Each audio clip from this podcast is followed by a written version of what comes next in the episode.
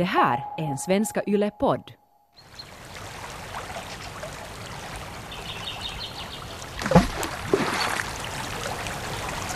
På den andra sidan låg vårt älskade Finland.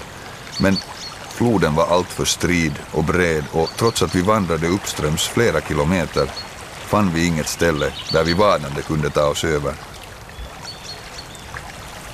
Så nära, men ändå så långt borta, tänkte jag. Innan jag fick syn på en liten stuga på den andra sidan. Rök steg ur pipan och jag och Reino började ropa högt för att påkalla stugägarens uppmärksamhet. En stund senare såg vi en militärklädd man sätta sig i en roddbåt. Långsamt började han ro i vår riktning.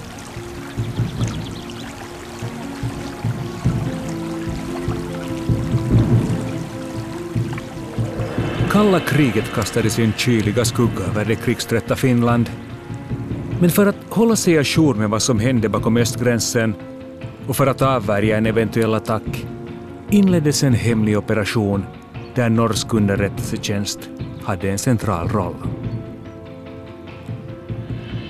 Du lyssnar på den avslutande fjärde delen av Svenska Yles podcast Operation Uppsala, berättelsen om en finsk spion. Mitt namn är Petter Lindberg.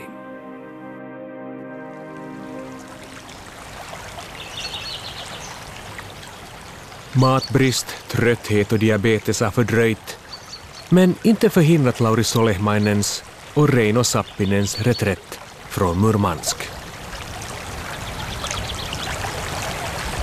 Jag tittade på Reino. Han såg ut som en luffare i sina smutsiga och trasiga kläder. Skägget var långt och ovårdat och ansiktet märkt av påfrestning och sjukdom. Jag tänkte att jag inte kan ha sett stört mycket bättre ut. Den finska gränssoldaten nådde äntligen stranden och med en misstänksam min undrade han vad vi var för filurer. Jag gick fram till roddbåten och tog tag i fören samtidigt som jag pekade på Reino och sa att vi var två finska sportfiskare som av misstag hamnat över på den ryska sidan. Gränssoldaten såg fortfarande skeptisk ut, men han bad oss att ta plats i båten och så rodde vi den korta sträckan över floden fram till det lilla huset som visade sig vara de finska gränssoldaternas raststuga. Suurimmaksi osaksihan se oli korvessa kulkevista tietojen hankkimista ilman, että partio antoi itseään millään tavalla ilmi. Eli, eli tiedustelua. Ja tässä suhteessa sitten nämä Naton keikat oli aika samantyyppistä korvessa kulkemista, tie, tiedon hankkimista ja mielellään ei, ei saanut antaa itseään ilmi. Lauri och Reino har utfört sitt uppdrag som i huvudsak handlat om att traska i eländig terräng, säger Heidi Ruotsalainen. Inte särskilt glamoröst om man tänker på agentfilmernas väklädda hjältar, tillägger historikern Mikko Majander. Jag tror att den realismen på vardagsnivån var, var inte glamorös alls. Att, uh, jag känner nu inte till hur gick det med de, dessa män som faktiskt gjorde det arbete där på fältet. Att, eh, jag tror att där är många sociala problem, alkoholismen och sånt. Att, att glamouren är i minnena och inte det där livet man ledde då. Men för ett ögonblick kan Lauri och Reino dra andan, förutsatt att gränsbevakningen köper deras berättelse och de inte blir åtalade för landsförräderi.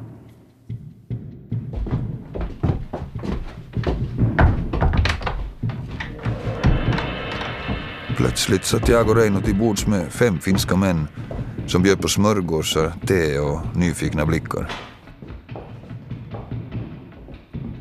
Vaktchefen undrade om vi hade lov att röra oss vid gränsen men när vi höll fast vid vår berättelse och bedyrade att vi av misstag förirrat oss in på rysk mark sa han att han tyvärr måste rapportera incidenten vidare.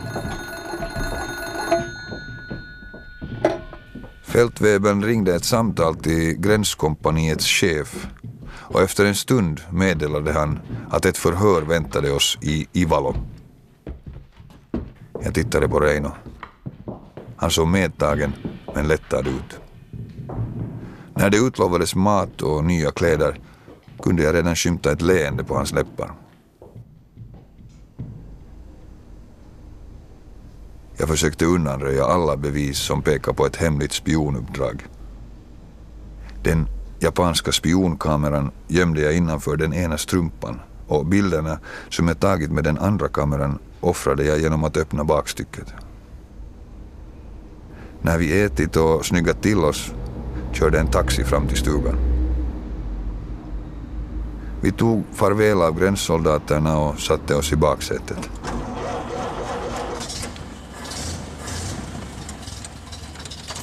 Bilen körde iväg. När vi närmade oss Ivalo undrade jag om vi kunde göra ett kort uppehåll och dricka kaffe vid Guttorms hus. Det hade chauffören ingenting emot. Vi fick vårt kaffe och en anledning att fråga värdfolket om de kunde deponera våra ryggsäckar medan vi befann oss på gränskompaniet i några timmar. Det passade utmärkt och jag räckte över ryggsäckarna som innehöll två pistoler, anteckningar och annat djurskikt som våra räddare ännu inte brytt sig om att undersöka. Lauri Solehmainen har förstört filmrullen genom att öppna bakstycket och han har också försökt undanröja andra bevis som binder honom och Reino vid Murmansk. Det var inte så hemskt mycket resor man gjorde, några tiotals tror jag bakom gränsen och hur snabbt föråldrades det och sånt. Att, att det är omöjligt för mig att säga men jag skulle nog inte tro att det var särskilt stora hemligheter man kunde skaffa på detta sätt. Om man undantar spionkamerans bildmaterial och alla anteckningar de fört så kan man precis som historikern Mikko Meander tycka att resans utdelning ändå är ganska skral. Men av små bitar fogar man ett större pussel och det material som inofficiellt når de finska myndigheterna är ändå till stor hjälp. Man vill ju inte bli tagen på sängen i en eventuell rysk offensiv, säger Heidi Ruotsalainen. Jos mietitään Suomen viranomaisia, jotka epävirallisesti tästä tiedon sai, niin oli nimenomaan sen oman aseman selvittäminen, jotta ei tulla yllätetyiksi. Onko joukkoja, millä tavalla niitä on sijoitettu, näyttääkö rajan suunnasta tulevan uusia teitä tai muuta vastaavaa Suomeen päin. Nämä oli ihan normaalia toimintaa, mitä ennen sotaa selvitettiin.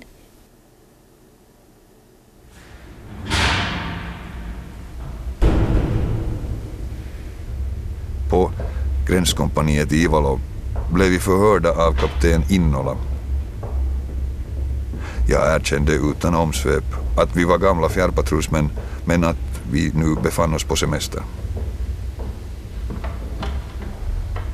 Kapten Innala tittade misstroget på oss, men nöjde sig med mina lögner som han nästan lite roat noterade i förhörsprotokollet. Inte heller den dyrbara kameran av märket Robot verkade intressera honom. Och efter en kort stund reste han sig från sin plats bakom skrivbordet och sa att vår utflykt nu var ett civilt polisärende som polisen i Ivalo skulle fortsätta att utreda. Nytt förhör. Den här gången på polisstationen i samma stad. Konstapel Tito satt bakom sitt skrivbord och antecknade samma lögner som jag kort innan hasplat ur mig inför kapten Innola. Jag tittade på konstapel Tito medan han gjorde sina anteckningar. Men i motsats till Innolas ointresse såg Tito nyfiken ut. Jag berättade om vårt misslyckade fiskafänge, om hur maten tagit slut och hur vi gått vilse så att vi ofrivilligt hamnat över på den ryska sidan. Jag undrade om Tito verkligen svalde vår berättelse. Men när förhören var avklarade bjöd han på mat och bastu och sa att ett åtal för olaga gränsöverträdelse väntade oss i höst.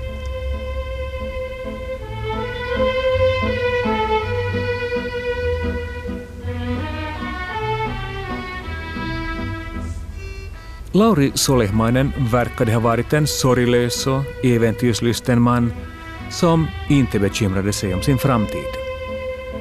Missään hänen haastatteluissaan tai, tai tuota muistiinpanoissaan ei ole koskaan käynyt ilmi sitä, että hän olisi ottanut selvää, minkälaista tuomiota esimerkiksi Suomessa olisi tulossa.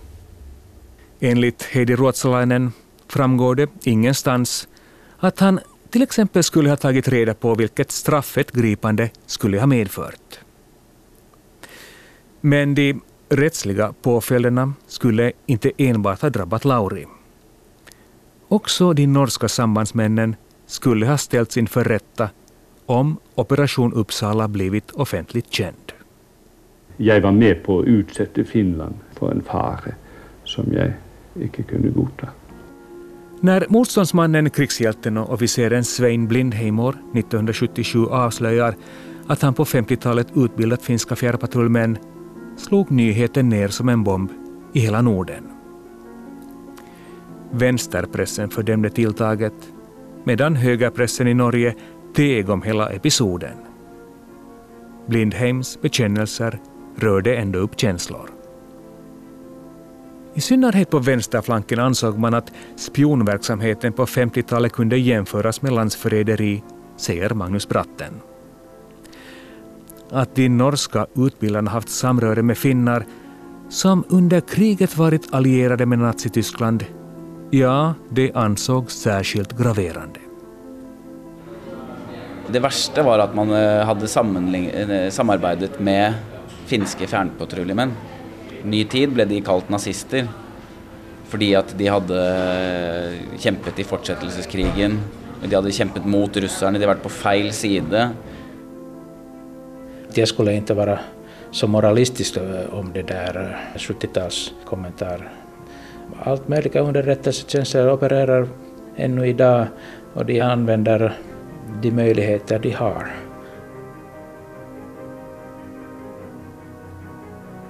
Moralpaniken i Norge avspeglar kanske behovet att markera ett avstånd till nazisterna som under kriget ockuperade landet.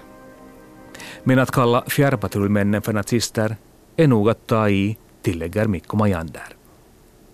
Det var inte en ideologisk eh, krig man eh, ledde mot Sovjetunionen i Finland, utan det var frihetskamp. Eh, fast man kan säga att Finland var allierad med Nazityskland men meningen var inte att, att bygga en nazistisk samhällsordning i Finland så att säga.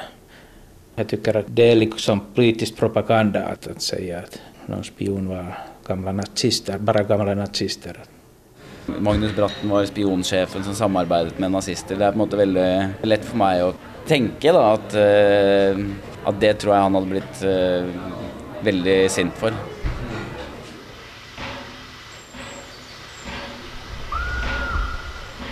Förträffligt, utbrast Marimo och klappade förtjust i händerna när jag den 23 juli anlände till Kajana efter en lång men lyckad expedition.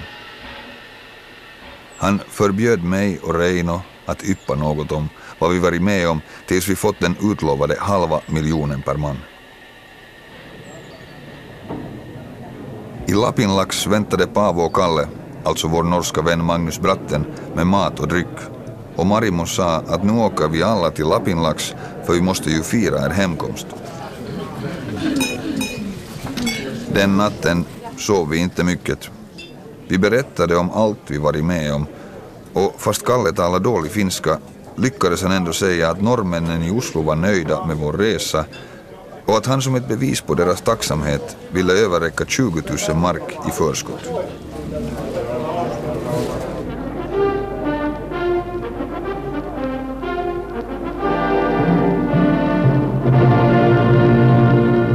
Här sjunker konkurrenter ihop, här störtar konkurrenter på banan.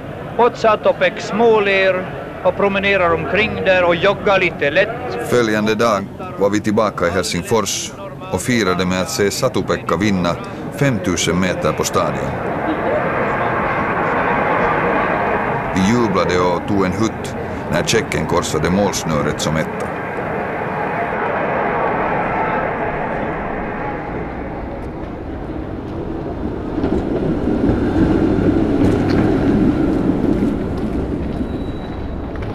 Följande dag mötte Kalle oss på stan.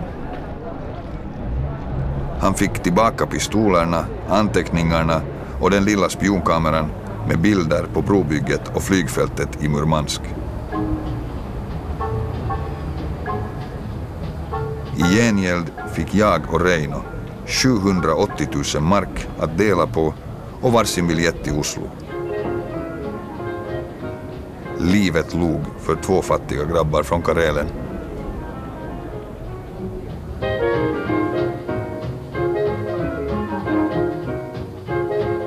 Mina damer och herrar, var god släck cigaretterna och välj upp ryggstödet. Följande dag flög jag och Reino till Bromma där Kalle redan väntade på oss. Tillsammans fortsatte vi till Oslo. Nu skulle vi redogöra för uppdragsgivaren om allt vi varit med om i Sovjet. Genomgången tog flera dagar i anspråk. Vi berättade om MIG-plan och järnvägsbroar som fångar byggde i träskift och norrmännen antecknade allt med intresse och bjöd oss på restaurang på kvällarna.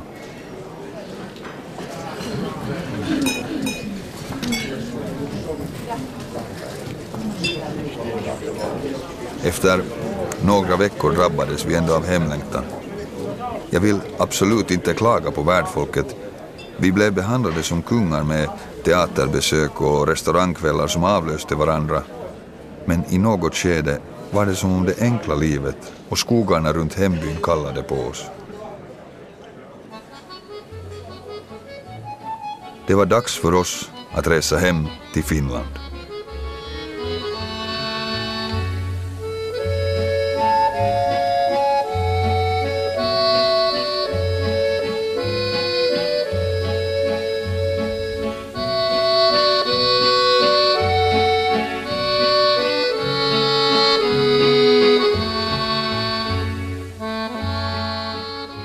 Hemma i Finland väntade drömmen om ett litet landställe och en trygg tillvaro. Men det kringflackande livet gjorde drömmen allt mer avlägsen. Alkoholin käyttö oli välillä haaste. Et tulkkikin joutui välillä varoittamaan, että jos ette seiniä kaataisi. Mutta varmasti suurin syy oli se, että, että oli saatu vihja siitä, että Neuvostoliitto alkaa olla jäljillä. Reino, och i synnerhet Lauri, gillade det glada nattlivet. Risken för att tala bredvid mun efter en lång krogkväll var tyvärr överhängande och enligt Heidi Ruotsalainen hade tolken i Norge också fått lugna ner herrarna efter en sällsynt blöt kväll.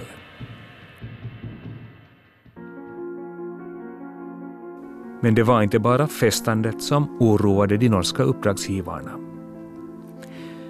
Till deras kännedom hade också kommit att Sovjet eventuellt var den på spåren, för precis som norrmännen hade sina män i Helsingfors, så hade också Sovjet sina spioner på plats i grannlandets huvudstad. Det var ganska mycket olika slags spionverket på, på gång och finländska medborgare deltog i dem, både i Rysslands tjänst och sen i västvärldens tjänst. Helsingfors var en smältdegel och ett spioncentrum där kalla krigets representanter sökte former att operera, säger Mikko Mojander. Att om de kan stödja Finland på något sätt utan att riskera ett eh, militär konflikt med Sovjetunionen, de gjorde det. De gjorde det genom handel, även direkta pengar till eh, politiska partiet som speciellt Socialdemokraterna Eh, som kunde kämpa kommunismen. Att, eh, I det där ideologiskt kamp Finland var en frontlinjestat för USA, men inte militäriskt. Man får förmoda att CIA, den norska spionchefen Magnus Bratten och den egna skyddspolisen kände till att Sovjet var Lauri och Reino på spåren. Och att en arrestering med säkerhet skulle innebära långa fängelsestraff för dem båda. Jag tycker det är klart att skyddspolisen och sånt visste att sånt händer här. Eh, och um, man lyfte det inte på högsta politiska nivån eh, innan, jag tror 1953, att nu det måste, jag tror att Paasikivi och Kekkonen eh, kom överens att man måste göra slut med det här, att det går inte.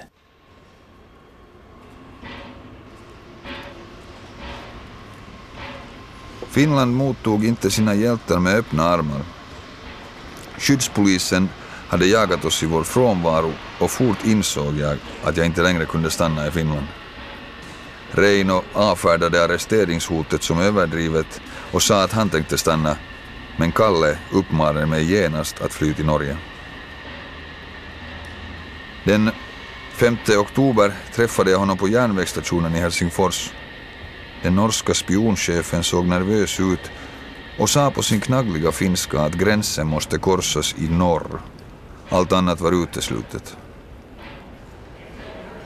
Jag höll med honom om att hamnarna var alltför riskabla och att en tågresa till Rovaniemi och därifrån vidare norrut med bil var det enda rätta.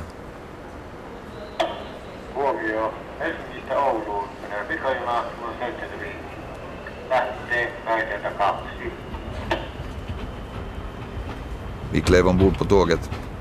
Kalle var tystlåten och själv hade jag inte heller mycket att säga. Jag såg fram emot att återse Reino i Uleåborg, men när tåget stannade på stationen ett halvt dygn senare var Reino inte där.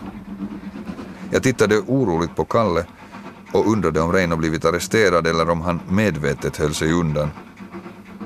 Men Kalle ryckte bara på axlarna och sa att vi måste fortsätta mot Rovaniemi om flyktförsöket alls skulle lyckas.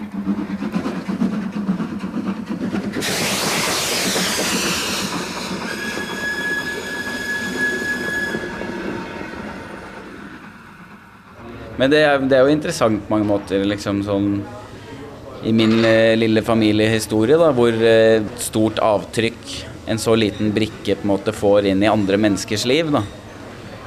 Kalle alias Magnus Bratten må ha varit en liten bricka i det stora politiska spelet.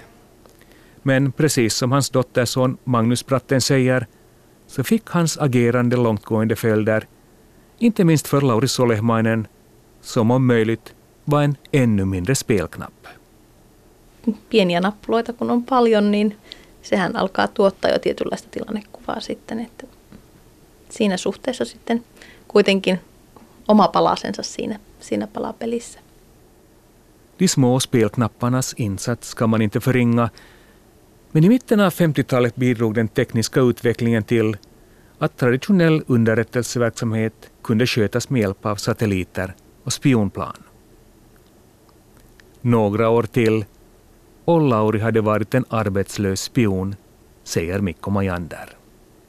Teknologin tog över allt det här, Eh, eller mestadels av den här eh, verksamheten. Att, att det, var, mm, det är så man brukar eh, förbereda sig den gamla kriget så, som, det, som, man, som var mycket nära, bara fem, sju, åtta år sedan det fungerade. Men om man funderar på äh, läget i början av 60-talet där man har äh, flygplanen som kunde fotografera och, och började leva sen, senare satellittiden. Att, att eh, man kunde inte föreställa sånt i början av 50-talet ännu.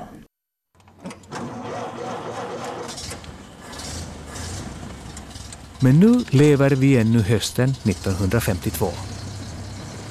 Och Lauris flykt den fortsätter. I Rovaniemi bytte jag och Kalle till ett bekvämare färdmedel. En taxi som förde oss till Ivalo. Stanna där framme, sa Kalle till chauffören och pekade på en paketbil som parkerat in vid landsvägen. Vi klev båda ur taxin och Kalle hälsade snabbt på de två männen som skyndade fram till oss. De här männen ska ta dig tryggt över gränsen, sa Kalle och pekade på paketbilen och sedan på de två civilklädda gränsvakterna som stramade upp sig inför spionchefen från Helsingfors. Avskedsögonblicket var inne, men ingendera av oss kom på något att säga. Till slut bröt Kalle tystnaden med en harkling. Mm, Lycka till Lassi, sa han och skakade min hand. Vi ses i Oslo.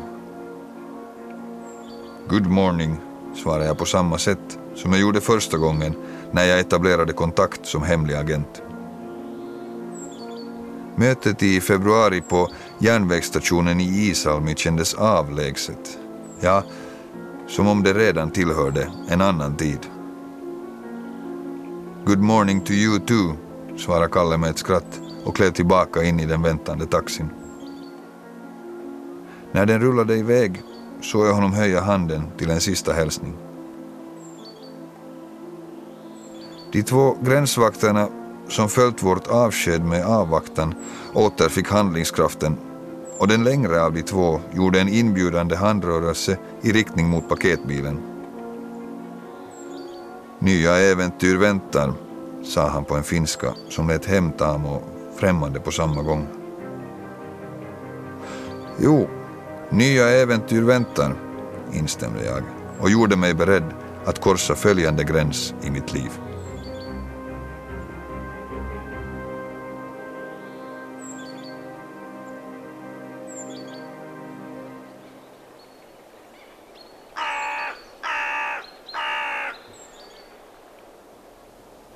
Mä luulen, että, että hän ei malttanut lopettaa siihen yhteen keikkaan. Mä luulen, että tietysti varmoja todisteita ei ole, mutta viitteitä siitä, että hän jatkoi toimintaa Norjasta käsin, on aika vahvoja. Det finns misstankar, säger Heidi Ruotsalainen, om att Lauri Solehmainen inte kunde sluta med sina hemliga reder.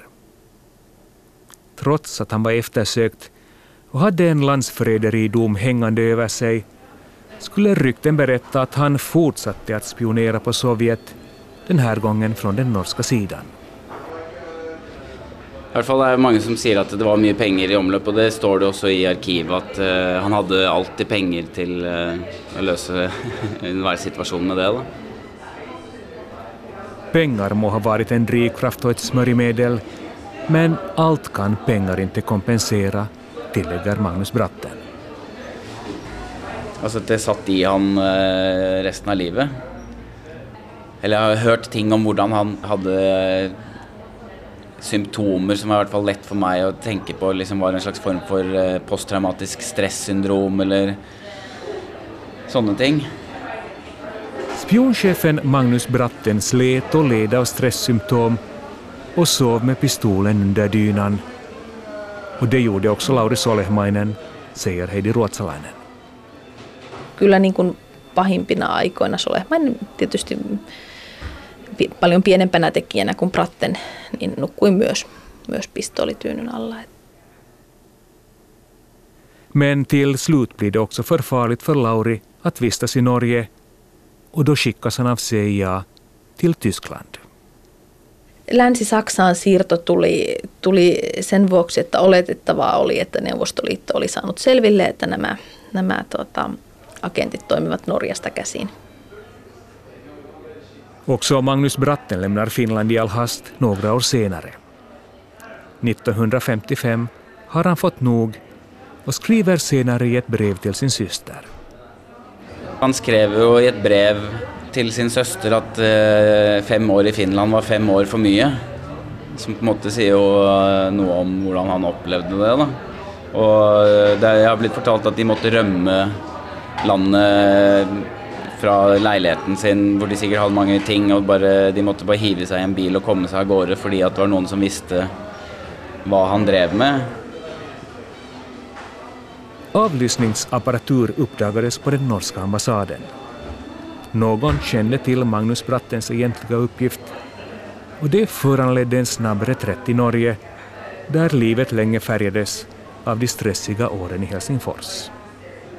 Han var jo egentlig liksom eh, ikke spion, han var filolog og hadde liksom jobbet i fagbevegelsen.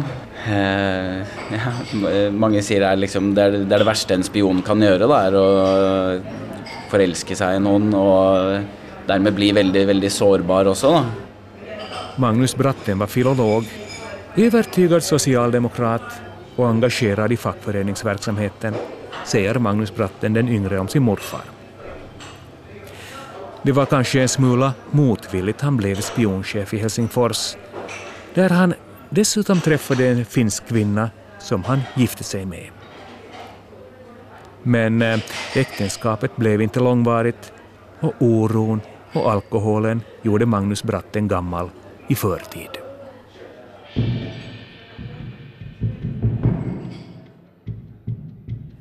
Reino Sappinen som vägrade fly från Finland arresterades 1952 och dömdes två år senare till ett tukthusstraff på 12 månader. Lauri Solehmainen verkar däremot ha tagit ganska lätt på livets motgångar. Efter vistelsen i Frankfurt flyttar han till USA där han stannar i 14 år. Fram till december år 1969 då han äntligen återvänder till sina hemtrakter. Vid det här laget är han en gammal man som lärt sig att hålla tyst om allt han varit med om.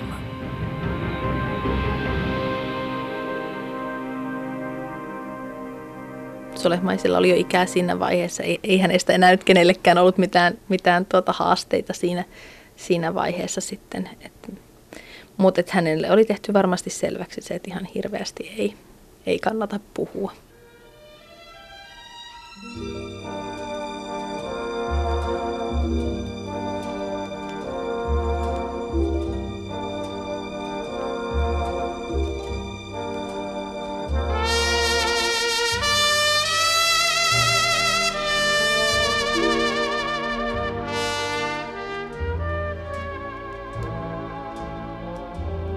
Du har hört det fjärde och sista avsnittet av Svenska Yles podcast Operation Uppsala, berättelsen om en finsk spion.